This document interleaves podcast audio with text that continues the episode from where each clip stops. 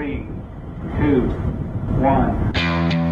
When liftoff. One, two, three, four, five, five, four, three, two, one. Enter bed. Okay, we checked all four systems, and there you go on modulation, all four, and keying with a go. Quality base here. The Eagle has landed.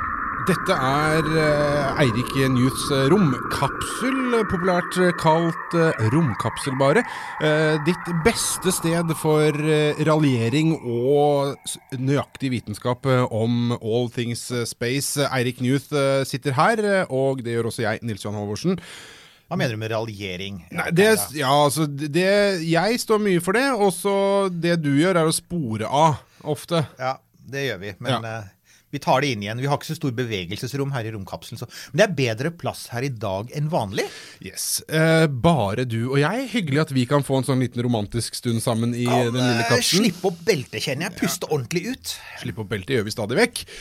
Men eh, vi eh, har nå med god margin eh, lagt bak oss noen år. Eh, vi gidder ikke å ta den diskusjonen om tiåret starter nå eller slutter, eller om det er neste år, eller alt det der 21 og 0 og så videre. Men eh, 2000-tallet, eh, 2010-tallet, eh, var et usedvanlig aktivt romtiår. Ja.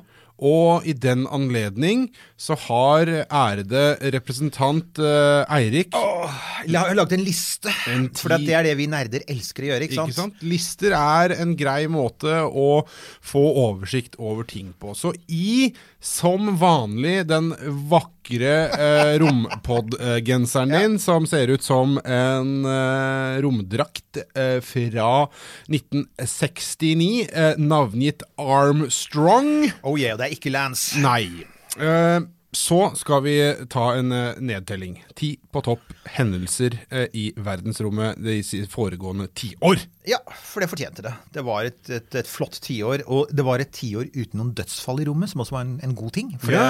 90-tallet og eh, 10-tallet har, har det liksom ikke, da har det ikke vært noen dødsulykker, så det er en bra ting. Um, men det har vært masse teknologisk gjennombrudd. Vi har sett så mye spennende. Så ja. Men jeg tenker, da altså For meg så blir liksom punkt ti, da, nederst på lista. Nederst på lista. Nederst på lista. Ten. Eh, det skal, vi ha, så, skal vi ha sånn tall som sier ten, Tøn! nine Ja. Eller, ja. Ja, Vi det får se hva vi gidder å gjøre- på på Ja, etterpå. det er nå du ser det. Det er det vi, nemlig 10, 9, 8. Ja. Det er det som er poeng. Det er derfor jeg valgte ti, selvfølgelig. Det har ikke noe med tid å gjøre. Det er det, den der fantastiske tradisjonen med å telle ned. Ja. Jo, altså um, Romferjen Ja. den ble parkert tidlig i tiåret. Den ble parkert i 2011 etter mye debatt og lang tids uh, indre plager, tror jeg, i NASA. Men det Ja. måtte de gjøre. Så siste ferd med romferden Atlantis, det var 8. juli 2011. Og det var slutten på en æra, ikke sant? Ja, ja. ja. Og det, det var jo slutten på eh, på en måte, altså, det, det, det eneste sånn gjenbrukbare romfartøy eh, per se. Det var et godt konsept. Det var jo hele poenget. Altså, Da konseptet ble lansert, ideen om et romfly og både amerikanerne og sovjeterne hadde jo jobbet med romfly helt siden 50-tallet, så det var jo en sånn gammel drøm da, om som sier noe som kunne brukes om igjen, lande på en vanlig flyplass, eh, ta med seg masse folk opp og ta med seg også massevis av eh, Last. last Ja. Dette gigantiske rommet. Eh, ja, altså, for nå, er, nå står de parkert på bakken. Nå har det blitt museumsgjenstander. Ja, og, og jeg måtte jo sjekke dette her, for jeg, jeg har sett, jeg har sett eh, Endeavour, som er en av dem, i Ja. Los Angeles. Du har sett er Atlantis, er det vel? Det er vel kanskje Atlantis som henger eh, på nede i Florida der? Det er den som er, det er vel nede på Cape Canaveral, ikke Ja, stemmer, ja. Mm. Og så er det en tredje utenfor Washington DC, eh, og, og det er Discovery. Ja. Og jeg husker jo det, da jeg var i Los Angeles på Naturhistorisk museum der, som er kjempefint uansett, men jeg var på museet der, og eh, gikk under romferja. Ja, det er fantastisk. Det er helt, altså, Og- og flaten! Det er så Det er så mye kvadratmeter at det er helt fascinerende. Og i disse museene så pleier de også gjerne å ha utstilt f.eks. en Apollo, og det har de. Ja. Og de hadde også en, en, en Gemini. De er så små! Altså, De er bitte små og trange, og så har du Det er jo på størrelse med en jumbojet. Nei, en eh, 737. Ja, Den er helt vill. Altså, og, og så blir det et eller annet med For jeg husker eh, vi kom inn i dette rommet eh, nede der eh, i Florida, Cape Kennedy, mm. hvor den henger. Uh, og det som slår deg, er at den henger litt sånn på skross. Så ser du undersida, med disse her eh, flisene. Ja.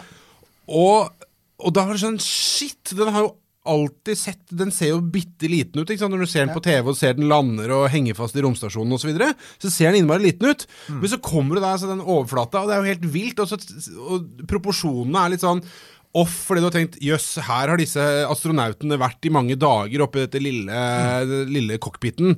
Men det er jo skitt meg en campingvogn ganger tre-fire der. Og i tillegg dette enorme lasterommet. Ja. Dritsvær! Og, og, så, og det er jo sånn, altså at det er en på Kennedy Space Center, det, det vet kanskje mange.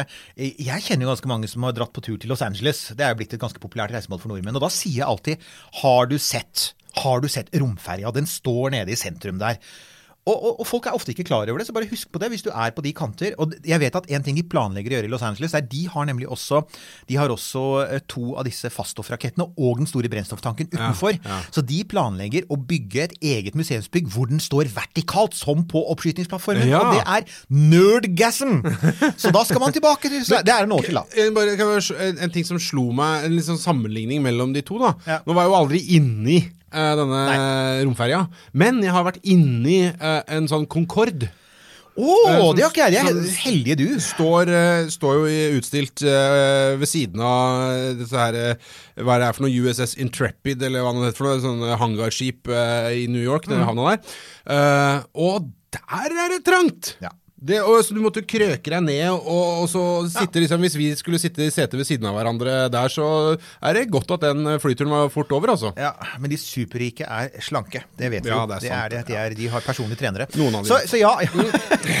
så ja, men altså greia er det måtte parkeres. Og det, og det var nødvendig. Du hadde jo hatt to dødsulykker, og i tillegg så var det Altså Romferja ble jo planlagt tidlig på 70-tallet.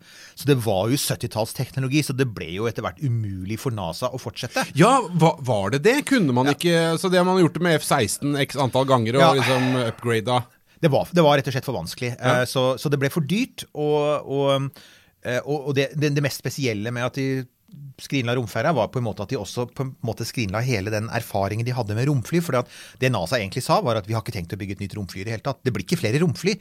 Neste gang vi bygger nå, så skal det bli ta-da!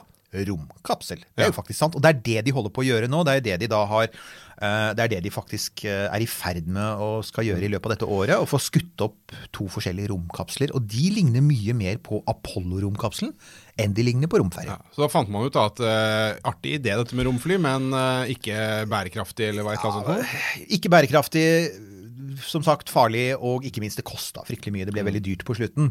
Men det det har ført til, er jo det lengste oppholdet i bemannet romfart fra USA da, noensinne. For de hadde et, du hadde et opphold på 70-tallet, fra 1975 til 1981, da den første romferja ble skutt opp.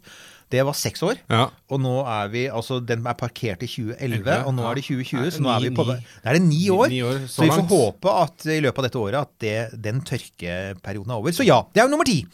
Eh, nummer ni. Number nine! Number nine. Ignition sequence started, pleier man alltid å si på nummer ni på Saturn 5 for øvrig. For det er da det liksom de store turbopumpene starter. Det er apropos mine digresjoner. Da er det en no, no turning back. Ja, da er det no Ja. turning back. Det er liksom sånn, så, så bare merk dere det neste gang dere ser på en For det veit jeg at dere stadig vekk gjør, sånn som jeg gjør. sitter- og ser på hver gang på dager hvor man føler seg litt sånn, man er litt småforkjøla, litt sånn hustrig og trenger en oppmuntring. Da fyrer man opp YouTube, og så ser man på en romferjeoppskyting, unntatt Challenger, eller Saturn 5. Ja, okay. Særlig Saturn Ja, 5. ja. Ja. Whatever gets you off, man. Ja, whatever gets you off. Og, da, og, og, og, Gets you off starter på ni. Men Mm. uansett, punkt ni, det er jo selvfølgelig at dette var, og det var på slutten av tiåret, NASA bestemmer seg for å sende mennesker tilbake til månen. Nå har de faktisk tatt beslutningen, Ja, ja. Eh, men er det da innen eh, Trump-kalenderen, eller er det NASAs egen Det er jo eh, det som er greia, ikke sant? Altså, nå, det tok jo litt tid, men den fikk jo da faktisk i, i fjor, i 2019 var det vel, så fikk det nye prosjektet fikk navnet Artemis, som vel egentlig er riktigere, fordi at Artemis er en månegudinne, og Apollo er vel egentlig en solgud, men ok, det ble hetende Artemis. Eh, og planen var opprinnelig å sende mennesker tilbake i 2028, etter mye om og men. Man skulle ha noen, en base i bane rundt månen og eh, ha masse utstyr der oppe før man landet på nytt. Men så kommer uh, vår alles kjære Donald. Oransje, venn. Vår oransje venn og sier 2028, da er det jo ikke sikkert jeg er president. Kanskje sønnen min er det, men ikke jeg. Så dette bør gjøres senest i 2024. Sånn tilfeldigvis når min andre presidentperiode løper ut. Ja, men altså, da må jeg bare si gjør, Trump gjør heller det enn å drive og sende raketter på folk borti borte i Iran og, Og- starte tredje verdenskrig. Jeg, jeg er egentlig enig, og saken er dette, er jo, dette er jo et av disse punktene hvor jeg faktisk er litt enig med han at NASA er med årene blitt litt byråkratisk. Det er det mange som har påpekt. De bruker skrekkelig lang tid på å planlegge ting. De bruker veldig lang tid på å bygge raketter. Og liksom så å, å si til seg selv at vi skal til månen innen ti år, liksom sånn i, i 2018, altså i 2028 Kanskje. Det var litt det også. Kanskje. Og som han, altså, logikken til Trump er jo ikke egentlig så dum, som er Men unnskyld, vi har vært der før. Det kan, vi trenger da ikke like lang tid på å komme tilbake til månen som vi trengte på 60-tallet, når vi faktisk har gjort det før. Så, så ja, eh, så det er grunnen til at den har litt lav rangering òg, da. Det er jo at eh, Who knows? Ja, altså, akkurat nå så henger det litt i løse lufta. Altså, Jeg personlig syns det er kjempekult. Men jeg er jo redd for at NASA, slik de er blitt, da, nok en gang kommer til å rote det litt bort. Og at vi da i så fall kanskje må sette vår lit til noen private. Men nå har jeg akkurat sett uh, i VG eller et eller annet sånt nå, at uh, nå er 13 pers uh, ferdige astronauter, og som det sto på, på, eh, på Instagrammen til, til NASA, eligible for Artemis missions'. missions. Det er kjempefint. Men, 13 astronauter er klare. men altså, NASA, kjære NASA, gjør dere den igjen. Utfordrer dere skjebnen med 13 igjen, som dere gjorde med Apollo 13. Hallo. Jeg tenkte på det. Jeg tenkte det samme, og jeg tenkte at jeg er ikke overtroisk, men Apollo 13. Hvor vanskelig hadde det vært å, å bare dumpe en av de, eller Ja. å få inn eh, en til? Ikke sant. Men uansett, nummer ni, det er den. Ja. Eh, nummer åtte, Eight. Eight, det er vår kjære venn eh, ISS. eh, Ikke som- dette vaske- Nei. og, og kantinefirmaet. Nei, og ikke en eller annen mystisk motstandsbevegelse i Midtøsten. Det er rett og slett romstasjonen International Space Station. Um, romstasjonen har hatt et det, altså det var et godt tiår for romstasjonen. Den var i full drift. Den var hele tiden bemannet. Romstasjonen har faktisk vært bemannet konstant i 20 år. Men Ja. altså, det var fullt av folk der oppe. Ble gjort masse forskning. Godt belegg der. Godt belegg. De hadde mange kule romvandringer. Det har de stadig. Og jeg kan anbefale folk nok en gang, hvis du liksom trenger en sånn liten sånn der, eh, dopaminhit på litt sånn eh, grå vinterdager, så bare fyre opp en romvandring når de gjør det live, for det er kult å se på. Um, det var også det tiåret da de tok imot nok en astronaut fra et av våre naboland. Eh, Andreas. Mogensen. Ja. Han eh, ble sendt opp med en Soyuz i 2015, og og var der, en, eh, var der vel en ukes tid og, og forsket. Så nok en gang, norsk rombransje. Nå har danskene vært der, og, og Christer Fuglesang har også vært der. Ja. Så, så som vi sa i vår episode med, med Gaute Einevold, Ja. dette her, dette går ikke an. Å la seg bli slått ikke bare av svensken, men av dansken i noe Ja. som burde være en norsk paradegren. Ja, det, er, det, er, det er det er litt svakt, altså. Jeg, jeg syns det, det, det hadde vært uh, Tenk så gøy det hadde vært. Altså, jeg Det hadde vært så gøy, det. Ja. At vi, hvis vi kunne fått en nordmann opp sporenstreks. Nå begynner jo Gaute å dra på åra, så Ja, og det er helt enig. Altså, det er, Gaute er, det er verdens eh, kjekkeste og mest aktuelle astronaut, spør du meg. Men helt klart, eh, det kunne godt vært en annen òg, selv om ikke Ja. Litt sånn samme hvem det er. eh, Samme hvem det er, men bare er men bare liksom sånn just do it. Um, men så er det jo en ting til, da. Og det er jo Det har jo vel så mye med oss å gjøre som med ISS. fordi at det var jo altså i denne romkapselen at det ble avslørt at ISS skal bli tildelt en ny ære. Og det er vel en ære som så vidt jeg vet de aldri er blitt tildelt før. Nei, og, og nå, nå må vi ikke liksom jump to conclusions her, eh, Eirik. Men det er en ære å bli nominert. Det er alltid en ære å bli nominert, og det er altså vår, eh, vår venn og høye beskytter på Stortinget, eh, Kårstein Eidem Løvaas. Jeg vet ikke om han har gjort det ennå, jeg vet ikke om det hva slags frister det er, jeg har aldri sjekka det, for det har ikke vært aktuelt for meg å nominere noen. Men eh, Kårstein har altså sagt, sa her for noen uker siden, at han hadde planer om å eh, Eirik, du kan få lov til Nominere Den internasjonale romstasjonen til Nobels fredspriskomité. Ja. Og det er en glimrende idé, og det er lett å forsvare det. fordi som han påpekte i vår sending, som er vel verdt å høre på uansett, ehm, han påpekte at dette er et fredsskapende prosjekt. Det er et av de få områdene hvor Russland og Amerika jobber godt sammen. Det er ikke bare sånn at de liksom sånn jobber side om side, men de jobber virkelig godt sammen.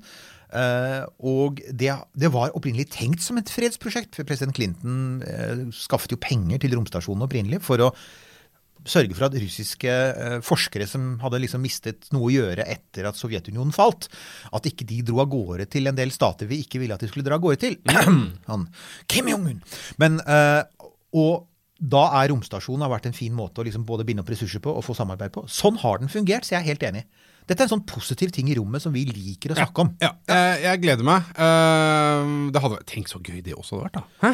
Tenk så gøy det hadde vært. Det er mange gøye ting. Det er mange gøye ting. gøy vært ja, nei, og eh, da skal vi ha altså, da, da tror jeg vi for første gang eh, i, i, i vår romkapselhistorie skal ha livesending fra en nobelprisutdeling eller sånt, og det skal vi søren ta meg gjøre. Ja, det, Ja. det, det Nei, kan så vi Nobelkomiteen når, den, når det forslaget detter inn, så, så, så gjør det riktige. Do the right thing. Ja, absolutt. Det er et viktig slagord innenfor romfarten. Ja. Do the right thing. Ok, da har vi kommet til uh, number seven. Ja, og da kan jeg si at du vet jo på en måte at det har vært et godt tiår i romfarten når Mars Jeg mener, hallo, vi snakker om Mars, selve science fiction-planeten. Oh, jeg, jeg så The Martian igjen her eh, bare for noen dager siden. Ja, det er, jeg syns det er så så fin, den filmen. Det, jeg koser meg så med den filmen. Ja, den er deilig. Jeg er helt enig. Og, og den er en sånn påminnelse om hvorfor vi som er opptatt av romfart, og vi som er opptatt av, av, av verdensrommet og astronauter, vi liker Mars. Kanskje Men vi kunne sendt opp Aksel Hennie, siden han allerede har en viss erfaring med romfart. Aksel Hennie ville vært en utmerket kandidat, og han ser ut til å være i veldig god form. Ja. Så jeg synes det er kjempe... Han kunne faktisk bli med på den derre han, vi, har jo, vi har jo en sånn greie med at vi syns at folk som eh, Elon Musk har dette måneprosjektet sitt, Dare Moon-prosjektet, denne raketten som en japansk milliardær har betalt for, som skal fly rundt månen med tolv kunstnere om bord. Han, han nevner skuespillere. Ja. Så kanskje vi skulle, noen skulle tipse Aksel Hennie. Søk du også. Vi har allerede tipset andre om at de bør søke. Altså, Vi kan ikke søke. Ingen av oss er kunstnere, og de vil nok se på oss og si uh, for gammel for uh, Ut og jogg. Ut og jogg. Men, uh, men ja. Så ja. Eh, Men ja, sjuendeplass tilbake. ja, sjuendeplass tilbake. Og det er rett og slett fordi at altså, Mars har det vært trøkk på siden rundt årtusenskiftet. Det har vært masse sonder der, det har vært rullet biler rundt. Eh, du hadde selvfølgelig Curiosity, denne kjernekraftdrevne superbilen som ruller rundt der nå mens vi snakker, eh, og som ble sendt opp i en fantastisk landing i 2012. Det var der hvor alle astronautene nei, De som kontrollerte den fra jorda, de jublet så høyt at de endte opp og ble sånn YouTube-sensasjon. De fikk sånn 50 millioner klikk på disse som sier sånn Woohoo! Nerder som jubler. Ja. Eh, den har vært utrolig viktig. Den har jo fortsatt å finne ut at Mars har mye mer vann enn vi har trodd. Den har metangass som kan være viktig. Og ikke minst, og det har vi nå oppdaget takket være en annen, den som heter Mars Insight, denne jordskjelvdetektoren som vi sendte dit i 2018. Altså Mars-skjelv. skjelv. Mars, unnskyld, Marsskjelv, du har helt rett. Og det heter jo ikke geologi på Mars, det heter areologi, for at Mars heter Aris på gresk. Ja. Så det, dette areologiske måleinstrumentet har da faktisk, så vidt jeg har skjønt, begynt å måle de første rystelsene på Mars. Ja. Så det ser faktisk ut til at Mars er ikke helt død. Så ja, Mars er kult, men det er altså allerede Men, men det er helt nede på sjuendeplass, og det er fordi at det har skjedd så mye annet bra. Ja, da har det skjedd mye Ja. kult. The Red Planet eh, ikke er på topp fem engang. Hvilket bringer oss til eh, nummer seks. Number six! Ja, og Nå begynner det å velte ut røyk fra siden av rakettene våre. her. Nå har vi kommet langt ned i nedtellingen. Um, her er det det er to forkortelser som egentlig alle romneide bør kjenne til. Altså Vi kjenner jo til NASA, vi kjenner til ESA. Eh, noen kjenner kanskje til Roskosmos, det russiske. Eh, så bør vi også kjenne til CNSA, som er den vestlige forkortelsen på den kinesiske romfartsadministrasjonen. Og ISRO, som er Indian Space Research Organization. For det forrige tiåret, det var da disse to virkelig begynte å briske seg. En ting er at Kineserne var i gang med å sende opp folk. Det gjør de. De sender opp haugevis av satellitter. Det er liksom Den, den skjulte suksesshistorien det forrige tiåret er Kina som sendte opp 200 hadde to, 200 rakettoppskytinger. Oi. De sender opp satellitter i ett sett, og de, de, de virkelig sikter seg inn på å bli ledende på satellitter. Eh, de landet på månen, husker du det? De hadde jo en sånn, eh, en sånn Den het Chang-E, en sånn der som landet på månen og slapp ut en liten månebil. Det var den første månebilen, fjernstyrte, da, siden sovjeterne på tidlig på 70-tallet. Eh, de landet på månens bakside. Ja, stemmer. Eh, Ja. Det var også det, det, det var jo faktisk eh, så seint som i fjor. Og da hadde de til og med med seg noen planter som levde helt til det ble natt på månen og de frøs i hjel. ja, stemmer. Um, men de har jo de har, De har jo også sendt, altså India og Kina har sendt romsonder til Mars. En indisk romsonde rundt månen, eh, Chandrayaan heter vel den, den, den, oppdaget, den har altså oppdaget is på månen. Det var i 2018. Eh, og så Kineserne har sendt opp sin første romstasjon. Det skjer mye, er poenget. India og Kina i løpet av dette tiåret som var, gikk fra å være sånn Jo, jo, det, det, de, de holder visst på med noen sånne bleke kopier av hva russerne og amerikanerne gjør, til å begynne å faktisk vise seg å være ordentlige romstormakter. Og det liker vi, ikke sant? For jo mer eh, det som skjer i rommet, jo bedre er det. Verdensrommet til alle. Verdensrommet til alle, og, og selvfølgelig, det kan til og med hende at liksom inderne og kineserne har sin egen take på det. Kineserne altså, skal altså, bygge sin egen, de bygger sin egen romstasjon.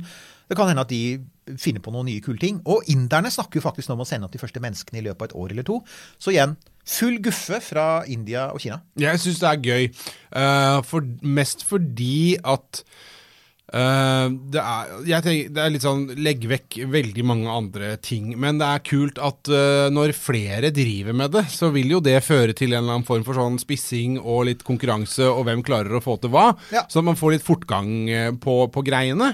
Og det blir litt mer eh, futt i sakene Altså nyvinninger, rett og slett. Og det er litt som vi hadde jo vår, eh, vår rometiker, Andrea, som var med nylig mm. i romkapselen. Hun snakket litt, hun sa en ting som jeg syntes var ganske spennende. det var, Hun sa dagens rom, altså vi lever i en ny romalder, sier hun. Ja. Den gamle romalderen det var USA mot Sovjet. og det var liksom sånn, Hvem planter flagget først? Er det kommunismen eller kapitalismen som vinner? Det er over, sier hun. Det er, helt, det er en helt ny type romfart. Og, og dette bekrefter på en måte det. Det er ikke bare slik, det er ikke lenger bare USA og Russland, det er ikke lenger bare staten, det er de private. Det kommer nye aktører, det kommer kinesere og indere, og der er det også private som er involvert. Jeg vet bl.a. at det finnes noen private eh, kinesiske romselskaper Oi. som ønsker å på en måte lage Private selskaper i de Kina. gjør det. og De har jo ofte nær tilknytning til den kinesiske staten. Men der er det et, et av dem har jo sagt om at nei, de vil gjerne kopiere, selvfølgelig i starten, eh, SpaceX med sånn gjenbrukbare raketter. Men altså poenget er at hvis Kina gjør det, og gjør det mye billigere enn vi gjør det i Vesten, så er jo det ok, det er bra for romfarten. Og igjen så er det liksom det samme Kinasvøpa. Ja. Kina kopierer det du har brukt masse tid og krefter og penger på å utvikle, og så gjør de det billigere. Og så gjør de det billigere, Ja. og så plutselig så oppdager du at det er en kinesisk romskip du drar på tur Ja, opp i rommet med. Så ja, lær deg kinesisk er egentlig fremdeles et godt råd til ungdommen. Ja, eh, ok. Men Var det nummer seks? Det var nummer seks. Number five. Fem. Ja, da er vi halvveis her. Du, det er småkloder i solsystemet. og Det høres jo litt sånn dølt ut, men altså mesteparten av solsystemet er jo små steiner og små isklumper. Asteroidebeltet, kometer, alle disse rare greiene utenfor Plutos bane, det kommer vi jo tilbake til, men en av dem ble også besøkt i løpet av det forrige tiåret. Ja. Men det, noe av det kule som skjedde, da, var Vi har for så vidt sendt romsonder forbi asteroider og kometer en stund. Men noe av det som skjedde det forrige tiåret, var at vi klarte faktisk å sende eh, en romsonde som het Dawn, eller altså soloppgang. Amerikansk romsonde. Den sendte vi til to forskjellige asteroider, og vi klarte å sende den. Og den gikk i bane rundt begge. Det vil si at den først fløy ut til én asteroide som het eh, Ceres. Uh, og så gikk den i bane rundt der og tok bilder og gjorde målinger og var der lenge. Og så startet den opp motoren sin igjen, og så fløy den videre til en annen asteroide. Og så gikk den i bane rundt der. Og, og, og, og den måten å fly rundt på, det er faktisk ganske nytt. Det er sånt vi ikke egentlig har gjort før. Det, var en, det er en sånn pionerarbeid. Det er en, en spesiell type rakettmotor som heter jonerakett. Dvs. Si at det er en elektrisk Ja, rakettmotor. ja. Den er veldig langsom, Ja. men den er også veldig effektiv. Og, og det NASA demonstrerte der, det var altså at altså, utforskning av rommet som vi ser i science fiction-filmer, hvor du liksom hopper fra planet Star, Star Wars! Hopp fra planet til planet. Ok, de gjør det superfort. Det kan ikke vi gjøre. Men at det går an å komme fram til en planet, og så starte opp igjen og dra videre til en annen, det er kjempekult. Og så får du nærbilder. Eh, og så var det Rosetta, denne europeiske romsonden, som besøkte kometen Churyumov-Gerasimenko. Eller 67P, som vi pleier å kalle den, fordi det er egentlig greiest. Ja. Den tok disse her sinnssykt kule bildene. Den har fløyt, denne kometen ser ut som to poteter som er limt sammen Ja, ja, med plastelin. Ja, ja, ja. Veldig rart objekt. Og, og den sendte en, en liten sonde ned for å lande. Det gikk Ja. dessverre galt. Men, men altså, den gikk også i bane rundt en komet lenge og sendte en sonde, tok nærbilder og hang rundt der. Og vi har lært masse om solsystemet takket være dette. Så ja, igjen. Gjennombrudd. Just saying. Number four. Fire. Roskosmos. Ja. Det er altså det, det er det russiske NASA. De må med. Ikke fordi de er så veldig nyskapende, for de har ikke så mye penger lenger. Jeg føler at uh, Roskosmos er litt litt som um, en gammel Massey Ferguson-traktor. Jeg tror du er inne på noe der. På et vis som Ja. bare virker. Som bare virker, som er laget ofte med litt sånn eldre produksjonsmetoder, men du veit åssen det funker, og du veit også når noe går galt, hvordan du liksom skal fikse det. Ja, du smeller i sida med en svær hammer. Ja, ikke sant? Så dette, det er ikke, her er det liksom sveisekunnskap og ikke app-kunnskap som på en måte er det beste du kan ha. Ja, ja, Um, ja. Men vi, vi må ta det med rett og slett fordi selv om det er gammeldags, selv om det er primitivt på mange måter, sammenlignet ikke minst med hva som gjøres av liksom sånn SpaceX og Blue Origin og sånn, så må det likevel sies at de leverer. For at, altså igjen, som vi nevnte på, på første punkt der, eller punkt ti, romferja ble parkert. Mm. Amerikanerne skulle fremdeles være med på romstasjonsprosjektet. Så de ble nødt til å kjøpe plasser om bord i Sovjet, eller altså tidligere sovjetiske, nå russiske Soyuz-kapsler. Um, og det har de gjort. Og, og det har vært mange. Det har vært noe sånn som 40 ferder opp til romstasjonen i løpet av det forrige tiåret. Det er 40 ferder, det er, mye. Ja, det er jo nesten en uke. Og det er tre, ikke sant? Og det er altså tre med mannskap på tre i hver. Så er det, altså, altså, det er 120 folk som har vært fraktet opp til romstasjonen. Ja. Så i romfartssammenheng så er det en big deal. Um, så jeg jeg, si at ok, det er gammeldags, men de holdt på en måte romfarten i live. Bemannet romfart. Ja. Romsondresatellitter, det går alltid, for det er liksom sånn, det, det fikser vi alltid. Men dette med bemannet romfart, det er litt sårbart. ikke sant? Det er det. Vi Mye er, fordi det er folk. det er folk, Ja. og når folk dør, sånn som i romferja, to ulykker, da vil ikke NASA drive romferja lenger, og politikerne får kalde føtter, så blir de redde. Um, her så er det sånn at ok, vet du hva, vi fortsetter å gjøre det, og ikke bare det, men hvis noe går galt, som det jo faktisk gjorde, vi hadde jo også en ulykke i forrige tiåret, og det var den første ulykken under oppskyting siden Challenger i 1986. Og Challenger endte som veldig tragisk, som vi vet, eh, men Soyuz MS-10, Ja, vet du om du husker den? Nei, det, vet du hva, virkelig Oktober ikke. 2018. Nei, jeg husker den fordi jeg satt og så på på live. For jeg ser jo på alle disse tingene. Ja. gjorde du det så Sånn, sånn er det å være enkeltmannsforetak. Eh, man, man, eh, når man trenger, man, hvis, hvis eh, en Soyuz-oppskyting foregår i lunsjpausen, hvilket den ofte gjør, for de skyter ofte opp om ettermiddagen, og da blir det lunsjpause norsk tid. Og dette foregikk da. Så de skjøt opp, og under oppskyting, sånn, sånn, sånn, sånn 30-40 km over bakken, så svikter, Jeg har ikke fått med meg i det hele tatt. så svikter bæreraketten. Da, Ja. og og den, den, i praksis så går den i stykker og er i ferd med å eksplodere. Ja. Og da utløses selve romkapselen. Den har da en sånn hjelperakett som skyver eh, kapselen vekk fra bæreraketten som går i stykker. Ja. Eh, og det som da skjer, er selvfølgelig at da har du ikke lenger noen rakett, så da kommer de umiddelbart tilbake til jorda. Ja. Uh, det var veldig brått. Altså, uh, denne ferden tilbake til jorda, det var to russere, og så var det en internasjonal stein. Nå husker jeg ikke fra hvilket land han var, eller om han var amerikaner. Men i hvert fall så var de um, De måtte jo da ned igjen med en gang, og da Altså, du har jo ikke noen rakett lenger, så du kan ikke vente. Du må bare ned og, og, og felle ut fallskjermen din. Og fordi det var så brått, da, så ble det veldig høye G-krefter. Så man tror at det kan ha blitt noe sånn som 9-10 G-krefter underveis. Det vil si at hvis du da veier sånn typ 90 kilo, så veier du 900 kilo. ikke sant? Ja. Uh, bare noen sekunder, men likevel. Uh, men poenget er at det funka. Altså etter Sist de trengte redningssystemet var på 70-tallet, og den dag i dag så funker det fremdeles. Så det skal den der gamle sovjetiske teknologien ha. At I motsetning til romferja. Når noe går galt under oppskyting, så kan du redde folk fremdeles. Ja. Bare da en sånn liten, eh, men eh, dog søkt sammenligning. Så føler jeg at her, ligger det, her ligger det noe i kulturen, hvordan man gjør ting. Fordi jeg har sett eh, sånn våpenprogram, sånn dokumentar om Kalasjnikov, AK-47. Eh, og hvordan Mulig jeg har sett det samme. hvor, hvor, du har det, ja? Yes, så overraskende. Hvor, hvor altså du kan ta AK-47 og basically gjøre hva som helst med den. Du kan grave den i sand, i gjørme, kjøre over den med eh, Grille pølser og på den, altså. what the fuck, Ja. og den fortsetter å skyte. Mens eh, den amerikanske M16-geværet bare eh, slutter å virke hvis du nyser på det. Så der har du det. Det er, altså M16 er fantastisk hvis du, liksom sånn, hvis du vil skyte på et mål som ligger liksom en kilometer unna.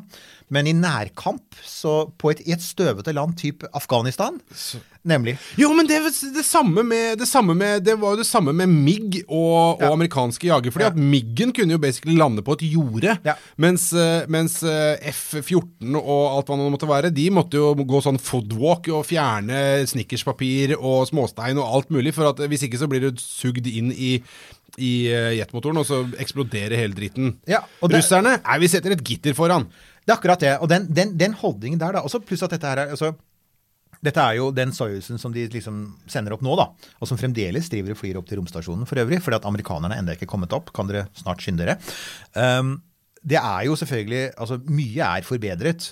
Uh, altså Særlig elektronikken og litt styringssystemet og sånn. Men, men the basics er fremdeles det samme. Og igjen, det er altså rett og slett er, altså jeg, jeg, synes, jeg liker jo også tanken på at hvis du har en innmari god design, da Mm. sant? Det, er som, som, det er også det er sånn visse bilmodeller ute som rett og slett er innmari gode, og som folk tar vare på så lenge som mulig. Fordi vet du hva, du kan reparere dem, og de går aldri i stykker hvis du tar pent vare på dem. Og det er litt der vi er. Så jeg sier ja, Roskosmos, tommelen opp for at de faktisk har levert. De har fått folk opp. Den gangen det gikk galt, så redda de folk. Eh, og eh, de holdt They kept the dream alive. Ja. Vi smaker litt på den før vi går videre. Da er vi oppe i topp tre, Topp mine damer og herrer. Og her kommer en ting, da. og er- Number three. Ja, number three. Og det er altså At dette får pallplass, vil kanskje noen synes er litt rart, men det er altså rett og slett Obamas rompolitikk. Grunnen er Du hørte det her første gang, mine damer og herrer. Obamas rompolitikk. Ja, vet hva, det er ikke på noen andre topp ti-lister jeg har sett. Nei, det tviler jeg på. Men grunnen er ganske enkelt at altså, vi, Som vi lærte da det vi eh, hadde vår venn Korstein i studio Ja. Altså, Til sjuende og sist, i hvert fall fram til de private kom inn med tunge penger, så var altså, romfart var 50% politikk, for det var jo Kongressen som ga penger. Ja. Så, så uansett hvordan du vrir og vender på det, så vil det alltid altså Alle store amerikanske romprosjekter fram til eh, noen nylige som vi snart kommer til, har sånn veldig sånn tydelige politiske fingeravtrykk på seg. Det er noen senatorer og kongressrepresentanter som, som vil ha et ord med i laget. Utvilsomt. Ikke sant? Fordi det bl.a. skaffer arbeidsplasser til deres distrikt. Det er jo bl.a. en senator som heter Richard Shelby fra Alabama, som er republikaner, som er notorisk Han er jo hatet av store deler av amerikanske rom, eh, romfan-crowden. okay. Fordi, ja, for at han er sånn ihuga forkjemper for det gamle NASA, fordi at NASA sørger for så mange arbeidsplasser i Alabama. Ah, så ja, han, vil, han hater SpaceX, han hater New Space, han vil ha Old Space og sånne store ikke sant? Han, han, vil, han vil bygge nye Apollo-raketter, fordi at Apollo ble bygd i Alabama, og det ga arbeidsplasser. Er. Eh, har du vært i Alabama? Eh, Det har ikke det. Nei. Åssen er det der? Nei, bare si at jeg har vært, i, vært eh, innom Alabama. Og eh, la meg bare si det sånn Det første som slår en når det kommer til Alabama, er ikke rocket science. la meg bare Nei, det ikke sant? La, la det være der med det. det. helt sant. Og, og, og det, det var vel, jeg tror det var en strategi på 60-tallet fra amerikanske politikere, da de, da de skulle få det amerikanske folket, som var ganske skeptisk til måneprogrammet, de, mange trodde jo ikke på det, for å selge det inn, så måtte man faktisk fordele godene. Ja, ja. Så alt kunne ikke havne på Cape Canaveral. Alt kunne ikke havne liksom sånn på store universiteter på østkysten og vestkysten. Du måtte, du måtte Det var distriktspolitikk. Jo, men dette her er jo litt sånn som uh, Norge kjøper eh, nye jagerfly. Uh, Ja. Så er det en eller annen i avtalen der på, som ligger på liksom x antall milliarder kroner, så er det noe sånn tilbakekjøp om at da skal du bruke norsk industri til bla, bla, bla, osv. så videre. Så det er distriktspolitikk i jagerfly òg. Distriktspolitikk uh, møter, vil mange si, korrupsjon i skjønn forening. Ikke sant? For det er jo Ja. i praksis så kjøper du stemmer. Ja. Men det er sånn det, det er. noe sånn det er. Det er sånn det har vært veldig lenge. Men så kom da det punktet i 2010, hvor, altså det er eh, april 2010, hvor eh, Obama holder en stor rom, romtale på, på Cape Kennedy. Og, og da sier han at vet du, sånn kan vi ikke fortsette. Eh, NASA kan ikke fortsette å drives på denne måten. Vi må legge om politikken vår. Det måneprosjektet som fantes den gangen, det skrinla han, for det var planer å dra til månen den gangen òg. Så det, det, ikke, det fins ikke penger til det. Dette var rett etter finanskrisen i 2008, det må vi ikke glemme, så de hadde lite penger. Så det han sa var eh, vi kommer til å fase ut romferja. Og istedenfor å gi NASA i oppdrag å bygge den neste romkapselen, så setter vi det ut på anbud til private, og så bygger de det helt og holdent. Altså det er ikke sånn, for NASA har jo hadde jo private kontraktører til Apollo og til romferjen. Det var det jo. Til beter, ja. Deler. Nemlig. Men det var liksom NASA som eide det og driftet det. Og det han sa var nei, vet du, nå skal vi behandle romfarten litt som vi, på samme måte som vi behandler når, når, når det offentlige kjøper fly, jagerfly eller transportfly. Da går vi til de store flyleverandørene og så sier vi gi oss et tilbud. Og så kan vi be dem om å bygge et fly, men det er de som bygger og eier flyene, og så kjøper vi flyene. Det var modellen. Det var en, det var en revolusjon. Ja. Og det, ja, men det var jo det, for det hadde jo ikke skjedd før på den måten. Altså, eh, så, er det, så er jo saken da at omtrent mens han holdt den talen, så ble han også vist rundt på, eh, så ble han også vist rundt på Cape Canaveral av Elon Musk. For Elon Musk hadde på det tidspunktet egentlig ikke lykkes så veldig godt med sitt romselskap SpaceX, men han trodde veldig på det. Det Ja, for det jeg mener, det var, de har jo holdt på med altså, eh, SpaceX og, og Ja. Virgin Galactic og, og alt nå som med Spaceship Ja. One og det greiene her. De, må jo, de har jo holdt på før eh, 08, de. de, de fantes før de fantes før, men de, de, kom, de var kommet ganske kort, og ikke minst SpaceX var det. Så de hadde f.eks. enda ikke hatt en vellykket flight med sin uh, hovedrakett. Jeg mener du har bestemt at jeg har sett uh, programmet med han, han med Sideburns. Hva er det han eh, Han, uh, han eh, som lagde eh, Spaceship One? Han med sånne Å ja, ja, ja, jeg vet hva du mener. Ja, Um, ja. ja, ja, riktig. men helt riktig. Um, så, så på det tidspunktet så var dette var det var småting. Og det Mm. var for øvrig, det, dette var på det tidspunktet hvor folk bare lo av det. Altså virkelig, De sa ja, han skal lage elbiler og raketter. Ha-ha, ikke sant. Hvem er han? Han kom fra IT-bransjen. Så det er en IT-dude som skal lage elbiler og raketter. Ja. Um, Obama tok han på alvor. Obama, og Obama gamblet for så vidt ganske mye sånn politisk kapital på at han og kanskje andre um, priva, private aktører ville kunne gi USA den neste romkapselen. Og ikke minst også sørge for transport opp til romstasjonen før du fikk private astronauter. Så kunne du ha ubemannede romskip som kunne levere gods opp til romstasjonen. Sånn som, for at på det tidspunktet var det bare russiske progressromskip, som egentlig er en slags Soyuzer uten en bemannet kapsel. Eh, og Obama ville ha noe, og NASA ville ha noe, um, ville ha noe amerikansk. Og det, det leverte jo faktisk Det leverte jo uh, bl.a. SpaceX med sin Dragon-kapsel. Så, de, så de inngikk en avtale med NASA, og NASA betalte dem uh, noen milliarder. Og de bygde Dragon og forpliktet seg til å sende opp liksom x antall Dragon-kapsler med forsyninger. Det var nettopp en som landet, faktisk, så den avtalen har de holdt. Og så inngikk det en ny avtale uh, om å bygge en bemannet romkapsel. Så, så poenget er jo det er, altså det er en genuin det, er en altså det ble en revolusjon i amerikansk romfart.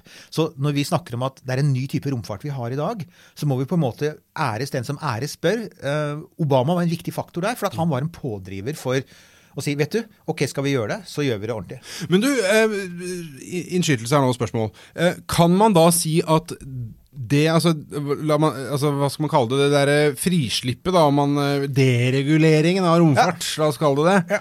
Eh, kan man si også, i, eller i hvilken grad vil du som en ekspert på dette feltet, Eirik Newth, eh, si at, eh, at eh, det har påvirka de andre statene også, som vi har vært innom her tidligere, India, India Kina og Israel osv., til, til å, å få litt mer boost, eh, so to speak, i, i sin, eh, sine romprogram? Det har det. Altså vi ser, vi ser langt flere private aktører nå. Um, det finnes som sagt kinesiske selskaper som har begynt med dette. Du har fått en ny aktør på, på sånn småsatellittmarkedet som driver fra New Zealand. um, som, som sender opp eh, Vi har denne israelske romsonden. Eh, og nå har man faktisk endelig begynt å røre på seg også i Europa. Det tok mange år, altså. Men nå har man begynt å si at vet du hva, vi må også med på dette løpet. Vi må, For at vi ser at det har faktisk det har funka mye bedre enn man forventet. Ja. Men det er klart, det koster noe, da. Så for eksempel eh, man, må gi, man må gi slipp på ting. En av de tingene som NASA også har gjort, de har jo ikke bare gitt disse selskapene i oppdrag om å bygge raketter som så eh, staten kan kjøpe tilbake. De har også gitt dem driftsansvar for oppskyting. Altså Ja. sånn at det er ikke lenger så For eksempel, det finnes et sted på, som du antagelig så, du, for du har vært på Cape Canaveral. Ja, ja, ja. Ja. Og det, du har det stedet der man skjøt opp Apollo 11. Ja. Det heter LC39A, eller Launch Complex 39A. ikke sant? Okay, ja. det er, det er, rett, det er rett og slett sånn der, noen veier, en Ja, ja, plattform, altså, noe stag. ja. ikke sant? Og så er det liksom sånn adkomstveien for den digre crawleren, den der gigantiske som frakter raketten. ikke sant? Ja. Um, så en del av dette oppskytingskomplekset. Vel, altså en, en del av denne kontrakten, og det, har altså, dette har NASA eid fram til noen år siden. De skjøt først opp Apollo, måneraketter, og så skjøt de opp romferja derfra i mange år. Det er nå faktisk leaset på heltid og i lang tid framover av SpaceX. Ja. Så de, det er SpaceX som nå faktisk eier hermetegn da, eier den gamle oppskytingsplattformen som man skjøt måneraketten opp fra. Det er også nytt. Blue Origin, eh, Jeff Bezos romselskap, eier Launch Complex 36. Ja. Og han driver og bygger ting der, og de har satt opp gjerder og de har satt opp private skilt. Så det skjer faktisk også en privatisering der. Så, det, så ja, dette er faktisk blitt en revolusjon i romfarten. ja, nettopp. Så ja, Obama, eh, vet du, takk for at du gjorde SpaceX på mange måter. Det er veldig mange av oss syns er en positiv ting. SpaceX og New Space ga det en boost. Det ville nok ha kommet kanskje uansett, men han ga det utvilsomt en boost for å være så veldig, veldig på det, og betalte også en politisk pris, selvfølgelig, for republikanerne likte han jo aldri. Og republikanere som da i romfartsstater likte han ekstra dårlig. Ja, ikke sant, selvfølgelig. Ok, det var nummer tre, mine damer og herrer. Number two. To på listen over ti. Ja, nå kommer vi da til den delen av lista hvor kanskje enkelte vil reagere. og det er der jeg sier at her, her har folk lov til å reagere. Det vi jo, kan vi jo gjerne si nå, at hvis folk har en mening og har noen ideer om ja men, ja, men hallo, Eirik og Nils Johan, men hvorfor sa dere ikke prikk, prikk, prikk? Ja, men vi er nerder, og vi kjenner nerder. Vi vet at nerder Når vi lager, når vi lager lister, så vil alltid folk protestere, ikke sant? Ja, du, bare en sånn liten digresjon der, beklager det, men jeg så, Nei, jeg. Jeg, jeg, jeg så bare det at det, eh, det var jo uh, Vi fikk jo inn en som hadde hørt eh, filmepisoden vår, som ga oss flengende kritikk for at vi ikke hadde tatt med Interstellar eh, på lista. Og det er et godt Eh, poeng, men vi, vi, den var jo på diskusjonslista vår. Selvfølgelig, for vi har jo sett den. Eh, Men det er jo så er så mye bra å ta av. En liste er en liste, og litt av naturen til en liste er at noe ikke får være med på lista. Nemlig. Og så ja. Ja, nei, men La oss bare komme til nummer to. Jeg ser på klokka her også. Ja, ja, ok. Ja. ja. Og nummer to, og her kommer det altså på den lista her, så er det faktisk SpaceX er ikke der hvor mange tror, kanskje, nummer én. Nei. SpaceX er nummer to. Uh, og det er, altså igjen, det er dette selskapet som av alle disse nye kommersielle romselskapene er det som utvilsomt har lyktes best. Altså I, i 2010, da Obama holdt talen sin, så hadde de ikke skutt opp sin første sati sånn satellittbærende, ordentlig svære rakett. Eh, nå er den dominerende på satellittmarkedet. Falcon 9 det er også verdens første gjenbrukbare rakett. Den har landet 48 ganger siden 2015, Nils Johan. Ja. Landet. Det Det er imponerende. ja, og ikke bare det, Vi tar det for gitt. Ja, men Selvsagt lander den. Og nå lander den trygt hver gang. Men hallo! Ja, altså, det- I 2010 sa folk dette er umulig. Ved starten på tiåret så var Ja. en samlet rombransje lo. Ja, ja, for Vi har jo sett uh, utallige videoer av de forsøker å lande den raketteren, og så Ja. bare kalver den over. Og det var sånn, eh, ha-ha, ikke sant. Dette går aldri. Nå er det, nå er det den nye standarden alle følger etter. Eh, De lagde Dragon-kapselen, som er da den som frakter ting opp til romstasjonen.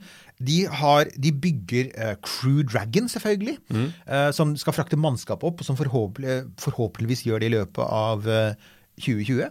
Eh, Så har du Falcon Heavy, den, den, eh, en av de den kraftigste amerikanske raketten, sine måneraketten, som ble skutt opp første gang i 2018. Uh, gjennombrudd. Rakettmotoren er gjennombrudd. De bygger alt selv, så de har nettopp bygd en ny rakettmotor til det nye romskipet sitt, Starship. Det er en unik rakettmotor. Uh, de står for store teknologiske gjennombrudd, og de basically så er de Når folk snakker om New Space, så mener de som regel De mener som regel Elon. Ja. Og så er de gode på markedsføring, er de ikke det? Jo da, det, det skal de ha. De er, og så ja, de er Jo, de flinke er, til å skape seg medlemmer av kirken sin, eh, pa, pastor Newt. de, har- de har, ja, ja, ja, nei, og jeg, jeg tilber Jeg har et lite alter hjemme, ja, Altså. Ja, Ja, altså, jeg. jeg, følger han, jeg følger han jo på Twitter, som er altså, Det er jo helt fascinerende. Han har 30 millioner som følger han der. Men jeg tror ikke du har bil, har du det? Nei, jeg har ikke det. Men men jeg, du har jo altså, ikke Tesla. Nei, jeg har ikke Tesla, men altså, hadde jeg hatt bil, så hadde jeg antakelig har en Tesla. og da vet jeg at nå mister vi halvparten av lytterne våre, men ok, det får heller være. Men uansett, øh, han, han, er, han er flink til å skape begeistring for ting. På samme måte som han har skapt en altså alle, alle, Uansett hva du ellers mener om elbilen hans, det er ingen som har løftet elbil mer enn han har gjort de siste ti årene. Og i det samme tiåret så er det ingen som har løftet romfart. Nei, for det er skapt begeistring. For det, noe av greia igjen, da, da, da NASA parkerte romferja, så parkerte de faktisk mye av begeistringen sin også. Ikke, ja. altså, det er mye nostalgi i NASA nå. De har feiret, I fjor feiret de 50-årsjubileet for månelandingene, og det var kult. De har feiret, de har feiret romferja mye også de siste årene. Det er mye sånn Husker du gode gamle dager? Ja. Og så har det vært lite sånn Jo, men hva skal vi gjøre nå? Ikke sant? Hvor er fremtiden? Og så kommer de med jo, dette måneprogrammet som kanskje ser i 2028, eller kanskje ikke.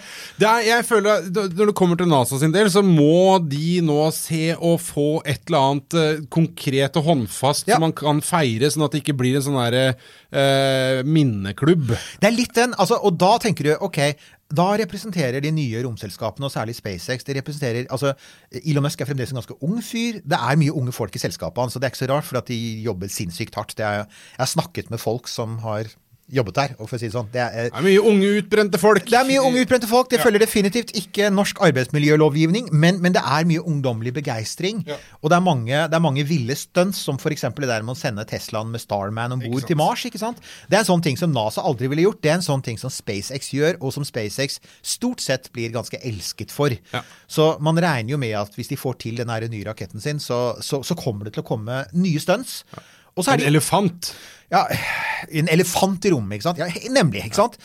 Noe sånt noe, og, og vi regner, regner vel også egentlig også med at den samme åpen, For det er en annen ting, de har vært veldig åpne på det. De har kameraer på alle rakettene sine, så når no- noe eksploderer Du kan alltid Å følge en SpaceX-oppskyting er noe helt annet enn å følge en NASA-oppskyting, for å si det sånn. Rett og slett fordi det er så godt dekket. Det er liksom kameraer overalt, og de kommenterer og de deler i alle sosiale kanaler fortløpende. Og der har de også noe å lære de etablerte. Så jeg tenker at vel så mye som liksom selve teknologien, så er det måten de kommuniserer med oss romnerder Det ligger noe i kulturen eh, der å få med seg folk. Og Jeg du veit tror- at du trenger litt støtte, du trenger backing og du trenger litt entusiasme rundt det du holder på med. Du kan si at NASA er boomer-romorganisasjonen, og eh, SpaceX er litt sånn millennial-romorganisasjonen, for Ja. å bruke litt sånn der eh, trendforskeruttrykk. Og jeg lover, jeg lover på tro og ære at jeg ikke skal bruke flere trendforskeruttrykk i dette programmet mer, men det var, det var første og siste gang. Da, mine damer og herrer, brum, trommevirvel, har vi kommet fram til eh, førsteplassen over eh, viktige hendelser i det gangne tiår innenfor romfarten. Eirik Newt, førsteplass number one! For meg så er det i hvert fall det. Det er New Horizons. Det er denne romsonden som besøkte ikke bare Pluto, men også da eh, Ultimatule slash Arokot. Altså, det er et utrolig kult prosjekt. Det var veldig langvarig, startet i 2006. Så drar de først til Pluto i 2015, passerer forbi. Passerer med en fart på 49 000 km i timen. De er på vei ut av solsystemet. Altså De er langt høyere fart enn det, enn det, enn det du trenger for å unnslippe fra sola. Eh, hadde bare noen timer på seg til faktisk å utforske Pluto-systemet. Fotograferer som gale, sender bildene tilbake. Og etter at de har oppdaget masse nye og spennende ting om Pluto, bl.a. at Pluto er en mye mer aktiv planet enn vi trodde før. Altså Det skjer ting på overflaten. Vi trodde at den var ganske død. Um, så reiser de da, så finner de et nytt mål. Og det er det som gjør for meg på sånn romgeek-skala. Så er det ikke bare at de flyr forbi Pluto, men underveis til Pluto så bestemmer man seg for et nytt mål, og så styrer man romsonden videre etter denne lille, rare Ja, et mål som ikke var planlagt Ja. eh, fra starten av. som ser ut, denne lille rare Arukot, som ser ut som Den er ca. fire-fem mil lang, og den ser ut som en tennisball har seg med en frisbee. Er, Ok, ja, ja. faktisk. Øh, og den er oransje, en sånn brunoransje av farge, og den ligger så langt ute i solsystemet at sola bare ser ut som en klar stjerne på himmelen. Det, er, det, er så, det er så mørkt og kaldt. Um, og, og, og bare, bare prøve å finne den og sikte seg inn på den, og så fly. Og så, faktisk, for var de, de var jo redde for det, fordi den er så liten, og de fløy så fort. Og de tross alt aldri hadde vært ved den før. Det var, Den var jo nyoppdaget. Så var man veldig redd for at man ville liksom bomme på hele greia. Kanskje ikke du fikk noen bilder i det hele tatt. Jeg har ikke hørt om Arokot i det hele tatt, jeg. Nei, men Ultima den er det mange som har hørt om. Ja. Og det, altså, det var kallenavnet på den. Okay. Ja, og så ja. fikk den det offisielle navnet Arukot, som da er vårt første eksempel på et nærbilde av kanskje den vanligste formen for klode i hele universet, som er hvis du snakker om faste kloder. Ja. Og det er denne svære, for rundt solsystemet så ligger det en sånn enorm sky av is- og steinkloder, som er rester fra solsystemets dannelse. Det er dem det er flest av, og vi har aldri hatt et nærbilde av dem før nå. Så nå har vi en mye bedre forståelse av, av- det. Eirik, jeg må spørre deg. Ja. Så mye som du snakker om Elon Musk og ja. SpaceX, hvorfor er denne, denne New Horizons på førsteplass, og ikke SpaceX? For meg så er det rett og slett det er selve bragden. For at det var også altså Jeg, jeg, jeg har annet lest boka til um, Alan Stern, heter han som drev prosjektet, amerikansk romforsker. Det var så vanskelig å få til. NASA var faktisk motstandere av New Horizons til å begynne med. De ville ikke egentlig gi det penger. Så det var en sånn derre det er sånn underdog-historie. Det var en ganske liten forskergruppe som ikke hørte til det etablerte miljøet i Jet Propulsion Laboratory i Pasadena, men de hørte til et annet romfartsmiljø. Fikk lite politisk støtte, og så fikk de til slutt med en senator på laget, og de fikk skrape sammen litt penger. Alt måtte gjøres billig. Det er en liten sonde. Den, var, den, den hadde lav kostnad. Eh, den ble, eh, så den, den har en del løsninger som gjør at, at vi ikke fikk så mange data som vi kanskje skulle ønske. Eh, den ble fiksa. Den hadde en programvarekrasj rett før den kom fram til målet. Det klarte de å fikse fra jorda. Da sender de liksom signaler fire milliarder kilometer gjennom rommet for å reboote en datamaskin. Altså, Poenget mitt er at fra et nerdenivå jeg, Du nerder ikke høyere enn dette. Sorry, Elon, men du nerder ikke høyere enn dette. Så det er sånn, det er bare derfor. Men pluss selvfølgelig kunnskapen den ga. For vi, hadde, ja, altså, vi har aldri sett et sånt objekt før som Arukot, og vi hadde aldri sett Pluto før heller. Og, og det var virkelig det var virkelig ny og kul og genuin kunnskap, så ja. For meg er det det. Men der kommer vi tilbake, da, hvis, eh, hvis eh, våre kjære lyttere er dypt uenig. Og mener ja, men hva med Virgin Galactic? Liksom, Hva med Richard Branson? Ja, hva, ja for, hva, med, hva med han? Han føler jeg har blitt havna litt i bakleksa. Han uh, tidlig ute der. Jeff, Het han Jeff Buran, han med de der uh, sideburntsa? Var det et eller annet sånt? nå? Noe sånt noe. Det stemmer Ja. nok. Det stemmer nok. Um, og han um, Nei, altså um, Han havna litt i bakleksa, men det er jo De, har, de hadde jo annet en ulykke med Virgin Galactic med, med uh, Spaceship One heter jo også. Ja, Det heter Spaceship Two.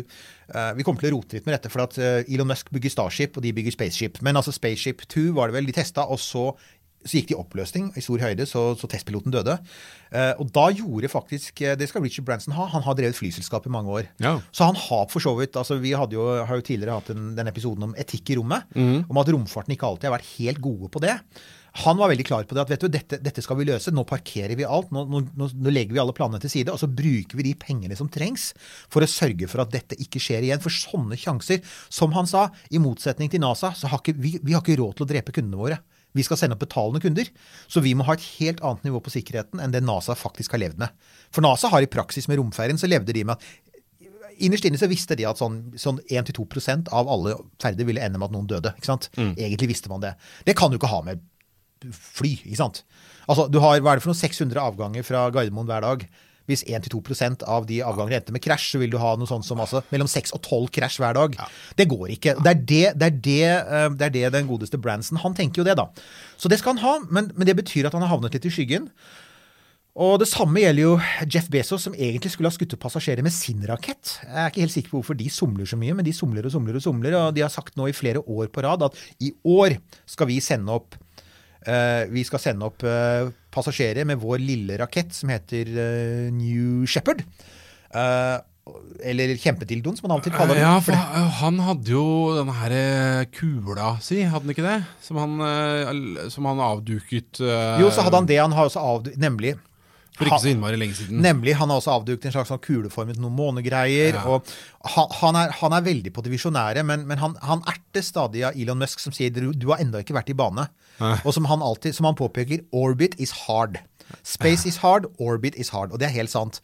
Så det blir jo et av de, Og det bringer oss for så vidt over, som er at altså 2020-tallet var jo et kjempefint sånn opplegg for det neste tiåret. Etter et fantastisk tiår så ligger vi ganske godt an. Ja, for hvis man da skal, hva det heter for noe, eh, lage en prognose eh, for Ja. den, de ti neste år, så ser det ganske gøy ut. Det, ja, gjør det ikke det? Altså, for, altså, som sagt, disse to eh, private amerikanske romkapslene som Obama i sin tid var med på å sparke i gang, de skal visstnok opp i 2020. ikke sant? Så, så, så, det er, så det er det. Den store amerikanske måneraketten SLS, den som NASA bygger, og som, alle, som ennå ikke er ferdig, men de sier jo at den skal testes i 2021 eller 2022. Da skal den faktisk sende noe til månen på første oppskyting. Så ja. Og så har vi Starship, denne rare greia til Elon Musk som vi har snakket om før. Det, nye Tintin-raketten? Tintin, ja, den Tintin-raketten som skal være helt gjenbrukbar og funke som et passasjerfly. Ja. Den skal opp i løpet av 2021 til 2022. Nei, det er, det, vet du hva? Det er mye gøy å, å se fram til. Det er alt som skal til Mars. Det er jo, åh, det er helt glemt. I 2020 og 2022 så skal det skytes opp en haug av romsonder til Mars. Off, ja. Og så er det uh, Dear Moon, dette her rare prosjektet. De skal sende kunstnere til månen. ja, ja. Så, så ja, de, de, dette kommende tiåret Det ser veldig bra ut, da. Det gjør det. Så sånn sett så kan man si at det, noe av det aller beste som 2010-tallet gjorde for oss, det var å liksom line opp alle endene i liksom sånn boothen, ikke sant? Så nå, nå kan vi liksom bare plaffe dem ned én etter én. Bemannet amerikansk romfart. 100 gjenbrukbart. Nye romsonder til Mars. Måneferd. Marsferd. Industrialisering av rommet. Starlink. Tror du at Internett til alle. Tror du at, Fra vi, rommet. tror du at vi i løpet av de neste eh, ti åra eh, ser eh, de første folka dra av gårde på vei til Mars? Hvis de lykkes med den der rare satellittprosjektet sitt som skal betale for Marsferden, så tror jeg faktisk de gjør det. For jeg tror ikke, de, jeg tror ikke han kommer til å snu seg. Altså, denne fyren venter jo ikke, det veit vi jo. Så snart noe er fysisk mulig, så gjør Elon Musk det. Så jeg, jeg, jeg, tror det er en, jeg tror ikke det er en stor sannsynlighet, men jeg tror det er en liten sannsynlighet. Så jeg vil si sånn, sånn, skal jeg anslå så skal jeg kanskje si 10-20 sjanse, vil jeg si. Å ja, okay. Ja. Men vet du hva? Det er sjukt mye bedre enn NASA. Ja. For de har, Ja, allerede, det- ja, men de har allerede garantert oss at det er 0 sjanse. Ja. Så der er vi liksom litt igjen med at hvis du vil ha hva vil du ha, liksom sånn? Vil du ha 0% av noe veldig stort, eller vil du ha 20% av noe som kanskje er litt sånn, ja? Yes! Yes! Nei, men du eh, Det napper i varmeskjoldet igjen. Vi er på vei ned mot uh, nok, en, nok en landing i Kasakhstan. Og jeg gleder meg til vi, igjen, gleder meg til vi kan lande på en flyplass. Lande vertikalt på en rakettflamme, men i mellomtiden så er det, er det, det, det bause kasakhstanske karer og president Tokayev det gjelder. Og så har vi klart oss i en hel episoden eh, uten å nevne Werner von Braun. Helt fram til nå. Jeg er så stolt av deg. Liksom. Denne Podkasten er produsert av Tid og. Lyst.